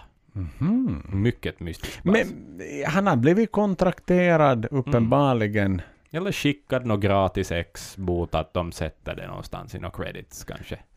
Men kan han... eh, Igen nu. Eller så har han köpt den själv och varit sådär vill skryta med hur många baser han har. Det kan också hända. För nu kommer jag ju in igen på det där med att, att ja, har han velat, alltså är syftet bara att ha en, en, en alla vet vi har gitarrister. Ja. Såklart ska ha en stor kollektion av gitarrer. Jo, men, ja. men är det mera liksom har han haft en intention att använda den i Maiden någon gång? Eller finns den bara hemma på väggen? Ja, är den ens med på turnén? Är ju frågan. Jag Ja. vet inte om den är med. Varför skulle han ta Hej, vi ska på turné. Ah, hur många baser behöver jag? Sju stycken. Liksom. Nej, nej, för går en sönder så har han en till. Och men det finns tiden- som inte tid eller ork att behöva ha fler än max tre instrument. Men Färdiga, exakt. ready to go. Liksom, förstör du tre baser under en spelning så är du fan ingen bra basist. alltså. Nej, och Michael kan, ni kan ju inte sitta och stränga om sju stycken Nej, liksom, inför varenda jävla spelning. Alltså, det börjar bli utgifter så att eh, Andy Taylor börjar ju svettas där liksom. Men Steve, du kan ju som inte vet avverka så här många jävla bassträngar Nej, nej, nej. per nej. konsert. Det börjar kosta oss pengar. Nej, men då har ju Dave Murray också listat här, vad fan är det, säkert tio gitarrer. Mhm. Eh, han har också en Lado, faktiskt. Hur många här har Lado? Har då Adrian har Lado. Nico- Finns Lado idag? Jag, pff, jag tror inte. Jag har, ja, jag vet inte. De ex som gjordes på 80-talet, men jag har nog svårt att Ja, ja, men de det är inte ett brand idag Jag har som liksom... aldrig hört talas om det, annat än Maiden. Nej. Aldrig. Och det är inte, jag är ingen gitarrist, men jag är nog lite sådär gear nerd. Nu har jag plockat på mig fakta om gitarrer av andra nördar längs med åren. Liksom. Men Lado är liksom det, det, det obskyra medenska. Ja, exakt. Det är mycket mystiskt. Ludwig Speed King spelar tydligen Nicole McBrain på också.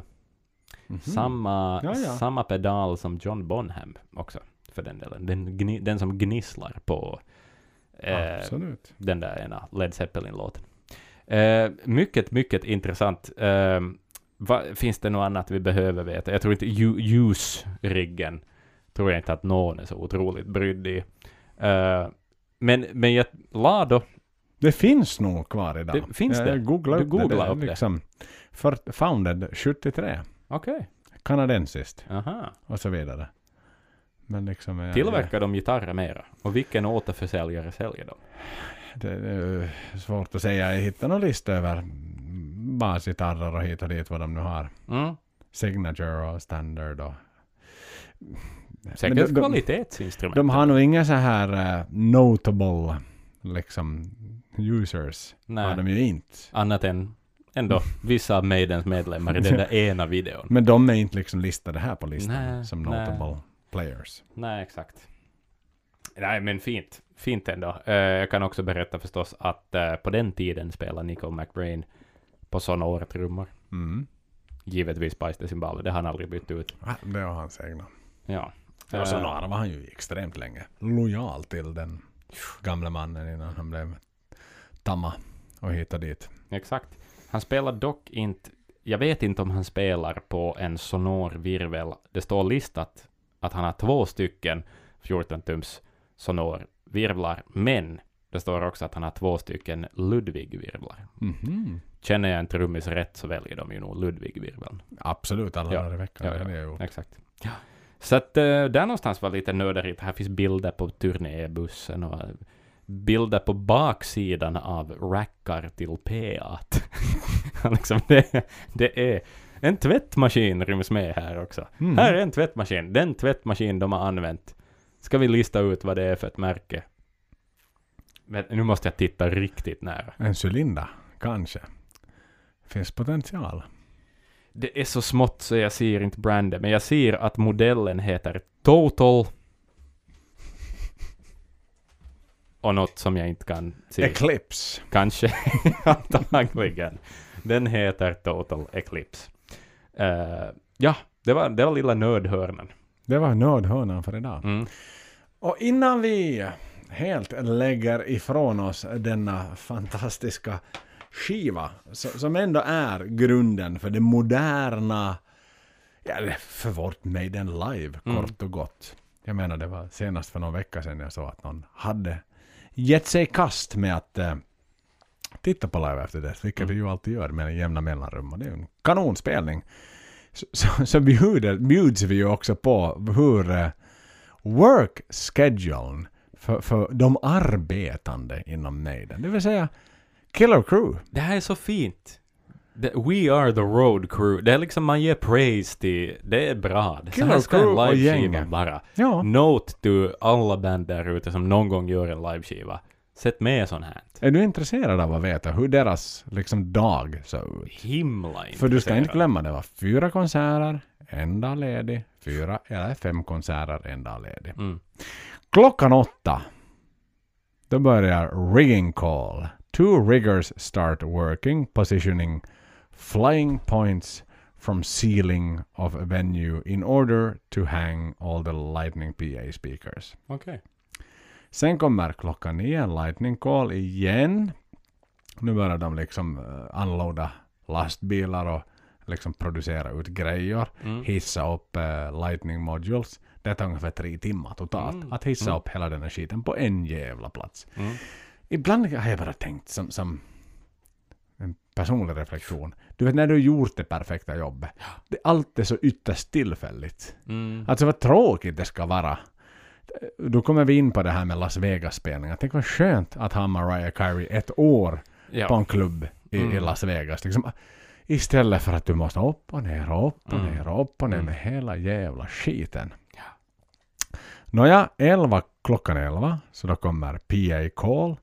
Då ska de börja råda ut eh, från bussarna eller från Mm. truckserna allt PA-utrustning, mixing, diskar. 152 000 watt av PA-utrustning. Exakt, och det tar ungefär fyra timmar att göra.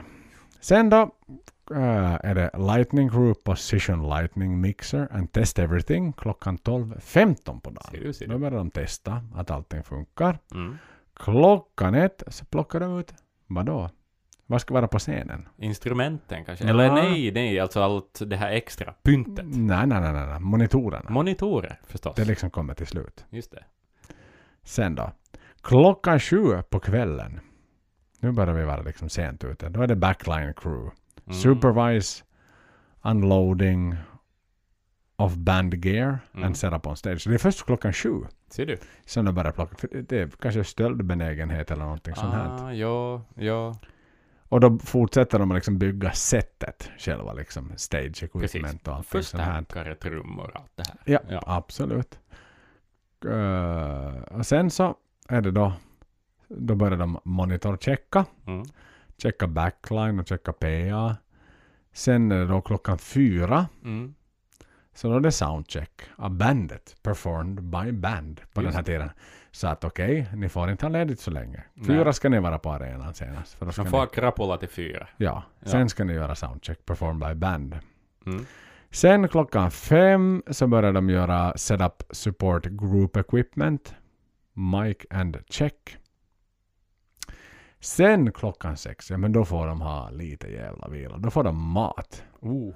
Och det är promotern i själva venuen som ordnar eh, middagen för dem. Aha, så att så de behöver de i alla inte, fall... Rod har inte fixat dit Rod catering, har inte liksom. kött den där, utan Okej. det är i alla fall i kravet att nu ska det finnas en satans matsal så att grabbarna får äta och, och tjejerna för den delen Mm. Sen börjar de liksom issue stage passes då. Eh, gästlistorna ska ut och Mm. man börjar öppna dörrarna klockan eh, halv sju. Mm. Klockan sju är det show call. Då ska man ta sin position så att säga för att veta. Sista testerna gör Mm, man då mm, helt mm. enkelt. 7.30. Doctor, doctor, please. Då börjar det. Då, då liksom bara hela faderullan där.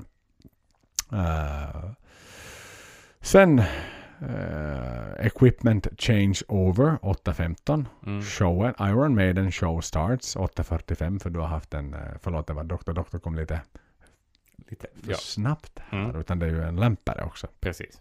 Ett förband. Men då börjar Maiden. 8.45 spelar Maiden sharp på den här tiden. Mm. Och så tar den slut 10.30 så de spelar alltså i en timme och 45 minuter. Mm. Sen då, då är det backline, production breakdown, followed by monitors. Mm. Allting ska ner igen. Klockan 11, PA starts breaking down for loading.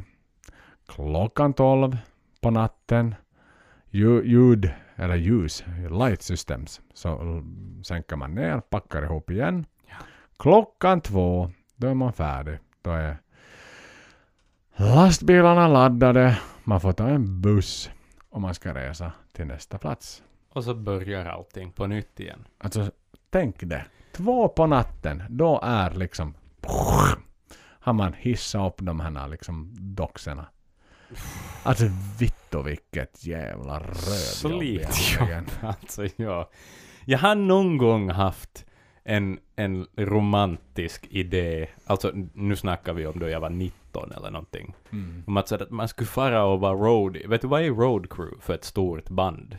Och liksom leva det där livet, vara med, se allting, vara med om den här gemenskapen. Jag tänker så här att det är som att jobb, jobba på en oljerigg eller någonting. Att det är liksom sådär, Nej men det måste ju vara. ja ja, exakt. Men, We're men all a part of this big family. Det är liksom, man Precis, har hört det precis. tusen olika DVDer. Ja, ja, men... eh, my God. Ja. Det är inte fan ett lätt jobb alltså. Det är my- okej, säkert mycket dödtid för många och mycket, vet du sådär, ja, lite pynjande och sånt dit och dit. Men och så jag menar, sover du ju verkligen i bilar och bussar. det är ju då du, det är då du hinner vila. Klockan två till åtta. Sex timmar sömn per natt. Ja. Sen är det upp igen. Och gör samma sak. Samma sak igen. Och så har du lite fritid där vet du, någon på sen eftermiddag. Exakt. Alltså det är ju s- sådär inte konstigt att de ser ju aldrig en konsert. De ligger ju och sover under Ja. konserten. För de är så slut. Ja. Ja, ja, ja. Vem hade liksom stå och orkat titta där? Jo, jo, jo, exakt. Sen kan jag tänka mig liksom missbruk och saker måste ju vara liksom överrepresenterat i den här branschen. Vet du, i något skede så kan jag tänka mig att du behöver lite kemikaliska preparat för att orka med allting. Nej men säkerligen. Ja, säkerligen. och det är inte samma liksom krav på du ska inte stå på scenen och Nej, vara och väl offentlig, lite, utan det är liksom det är klart att du litar sådär vet du, I'm, I'm with Iron Maiden. ja, liksom, och- för det är ju en stolthet i det också. förstås. Ja, och sen tänker du lite, vet du, lättsamma damer i USA. exakt. Sådär att du bjuder på någon liten backstage-pass och sådär, för du har väl säkert möjligheter att göra sånt. Som Ja, ja, du behöver ju inte ta Och dem till logerna liksom, men du kan ju Nej, visa vet du, baksidan av en PA-förstärkare. Och det är väl kanske sådär för, med någon förhoppning om att liksom get lucky, så Ja, att säga. Exakt. Så att, för vad fan, du är liksom långt ifrån hem. Det är britter som gör det här. Minus Exakt. liksom local crew då som, som du alltid hyr in för det, det riktigt hårda jobbet. Som Mm. hjälper till. Men allt ska alltid administreras av Maidens egna personal. Exakt. Ja. Så det är svårt. Men vad fan, vi, vi liksom lider mot vårt slut. Så som våra road crew börjar göra. Mm. Det har varit en ynnest Axel att sitta så här. Samtidigt lite nervöst. ja, nästan ja, faktiskt ja. Även om vi har spenderat några dagar här tillsammans. Men, men det är liksom en, en udda sak att sitta, sitta det. med dig och, och podda på riktigt. Och nästan, jag kan känna dig om jag så vill. Live After Death. Det alstret som Ja, i alla fall i min värld, alltså tittar jag till min Best of the Beast 2 CD, Mm. så varifrån kom Rime of the Ancient Mariner? Naturligtvis härifrån. Det är Givetvis. ju inget snack om saken. Nej, men eh, lite så här sammanfattande tankar om den som album ändå, liksom lite åsikter, Mm. tänker jag att vi ska få in här på slutet.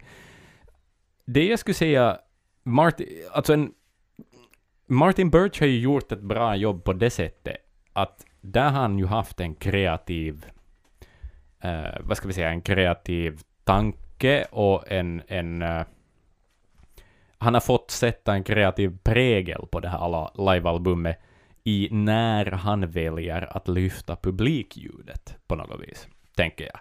Och för att den är inte konstant, det är liksom inte ett konstant sorl av folk i bakgrunden hela tiden, utan det är ett väldigt fokuserat sound på bandet som spelar, men när det behövs så vrider han upp publiken i till exempel den här bombastiska Running Free som är åtta minuter lång Mm. med alla call and response-grejer och allt sånt här. Att, att den är liksom, den är smakfull och ibland då, då kanske Bruce är omkring och vet du viftar mot publiken för att få ett oj Ja. under ett gitarrsolo eller något sånt här, så då kommer de in. Men det skäl aldrig fokus från bandet, utan det är liksom tidvis tänker man inte på att det är en liveskiva och det är väl kanske där någonstans jag tänker att folk har lite sådär funderat sådär misstänksamt att kan det här vara helt live? Mm. Men det handlar ju mer om Martins val, att när ska publiken vara med och när ska publiken inte vara med. Ja, det är Publiken är en sant, del faktiskt. av kompositionen på något vis. Och den dynamiken finns ju där. Alltså de, de är ju där, men de lyfts in när han liksom... Alltså, jo, jo. ju- det liksom låter ju me, inte som då du var på plats. Nej. Det gör det inte. utan det är en producerad liveskiva. Mm. Och det är väl där skillnaden är. Och det är ju där igen, så om vi nu jämför med det senaste livealstret, Mm. så, så ser vi ju verkligen att en väldigt liksom nerbantad publik. Ja, ja. Och, och då har du ju liksom ändå stora låtar där I alla Mexico kan... City. I Mexico City där du tänker att alla är lite mera poco loco än Ja. vad man är på andra ställen i världen. Men ändå är det som så, du hör inte riktigt att det är en liveskiva. Och sen är det ju inte liksom, det är ju inte så att det är så distinkta. Du hör ju inte Jennings gitarr som sticker ut i ett solo Nej. så här som, som man hör när Martin har gjort sitt jobb. Du Ja. hör ett Adrian-solo jättebra. Ja. Liksom i, i, i Power Slave, liksom när han lägger sitt ikoniska och Dave också och så vidare. Att... Mhm. Ja. Och, och den är också sådär, det jag gillar med den också är att, att den här uppdelningen av gitarrerna, att då Adrian spelar solo så är det helt också i, i mixen i höger kanal. För Adrian står på höger sida. Och att det liksom, Ja, man för inte scen. grejer till mitten, utan det, man ser dem på scenen Mm. och man förstår vilken gitarrist som gör vilka grejer och så Mm. vidare. Det, det, och det, är, det är nice, det är smakfullt.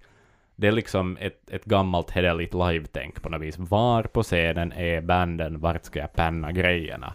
Att det är liksom, det är old school, men det funkar. Ja, ja, oh, ja. Och det, det, Och det är väl därför den är färsk än idag. Precis, precis. Ja, jag håller med liksom. Jag hade inte bytt ut någonting och jag tycker att Rock in Rio är bra. Den har en Mm. bra dynamik mellan publik och mellan... Och det är väl det en liveskiva egentligen ska ha. Du ska ha en jävligt bra venue Mm. där publiken är taggad. Och det hade de i det här fallet. De hade fyra konserter eh, efter varann. Varav de, de liksom bandade två. Mm. Eh, och de såklart på ett eller annat sätt så har ju publiken blivit informerad om att det här kommer att spelas in. Så att nu får ni jättegärna tagga till lite extra. Mm. För att ni kommer liksom att eh, förevigas här. Och, och vilket ju sådär alltid alla dagar i veckan hade blivit så. Mm. Så ponera nu bara nästa konsert vi går på, om, om det nu är Tjeckien till exempelvis, och de bara hade gett ett announcement att det, det här kommer att bli en stor utgåva. Mm. Nu hade vi stått lite extra på tårna, för vi vet att Så det där extra vrålet, de där extra händerna på videoutgåvan, så kommer alltid att förevigas och synas förhoppningsvis om kameran, kameran är i rätt position och så vidare. Mm. Och, och, och det här är en, ja, det är en fantastisk dynamik av liksom showmanship och craftmanship av, av liksom deras musikaliska talanger samtidigt som man liksom plockar in där det behövs, liksom det här skriket från publiken, liksom den här Beatlemania Ja, exakt, nästan precis, som ja. fanns i USA kring Maiden då. Mm. Och jag tycker ju att det här är, mm, nej men det är hands down, det, det är nog den bästa utgåvan Maiden någonsin har gett live. Ja. Och jag tror inte att det kommer en bättre liveutgåva någonsin av Maiden heller längre. Tyvärr. Nej, nej. De hade sin chans med Legacy of the Beast. Men lite cheap shot där med att Steve själv skulle mixa och prodda Mm, den. Att ja, varför i nog- helvete satt man nu inte Kevin? För han är ju ändå en kompetent. Ja, producent. exakt. Kompet- ja, precis. Sätt Att va, kompetent varför folk skulle som man vet vad de som gör. hasta ut Mexiko-varianten?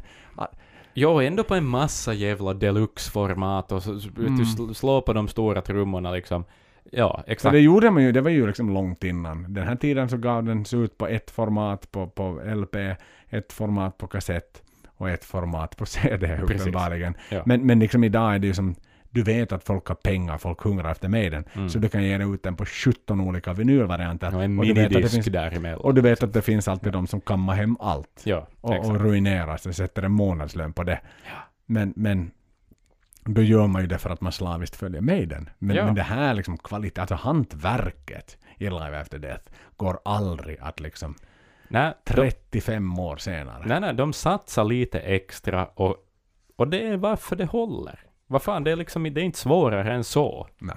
Det, mera av det här, Mm. om du lyssnar, Steve Harris, om du mot förmodan förstår svenska, vet du, låt folk som vet vad de gör Låt göra det de gör. segra. Ja, exakt. För det Precis. finns ju ett jobb han gjorde där uppenbarligen och det fanns ju en anledning att ni anlitade Martin även och proddade denna skiva. Japp, japp. Och ja, ja no, det måste vi ändå ge till, till de nya live-utgåvorna, alltså då typ Nights of the Dead och Mexico City-grejen. De hade ju ändå gjort ett nytt omslag. Det var, det var liksom det, det finns lite av andan av Live Ja, men det det, kvar ja. i Det det. utgåvan. ändå. Exakt. Sådär. Och, och det, det är kiva.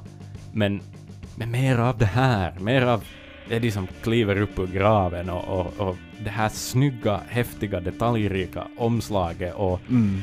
liksom... Ah! Det, det Men sån... jag tror ju att Legacy of the Beast Mexico är en produkt av Corona. Ja. Den var aldrig någonsin planerad. Nej. För nu för tiden digitalt, de bandar allt. Det är så enkelt och behändigt. Japp. Lite Ja, externa hårddiskar till höger och vänster. fucking Det är det de gör. Och det där är... Den senaste är en produkt av Corona. Den hade nog knappast aldrig getts ut annars. Nej. Om, om allt hade gått vidare. Då hade de tagit någon senare, kanske i Göteborg rent av. Men i och med att det allt gick till Holt när covid kom så var det så här: okej, what's the best we got? Ja, Mm. det var New Mexico. Vem ska prodda? Ah, ja, jag vill göra det själv. För jag har inget annat För att göra. För Steve, hade. Steve Nej. hade inget att göra. De har ju haft en skiva klar hur länge som helst. Ja, ja. Kevin Shirley har ju... innan. Ja, precis. Han har ju ingenting att göra, stackarn.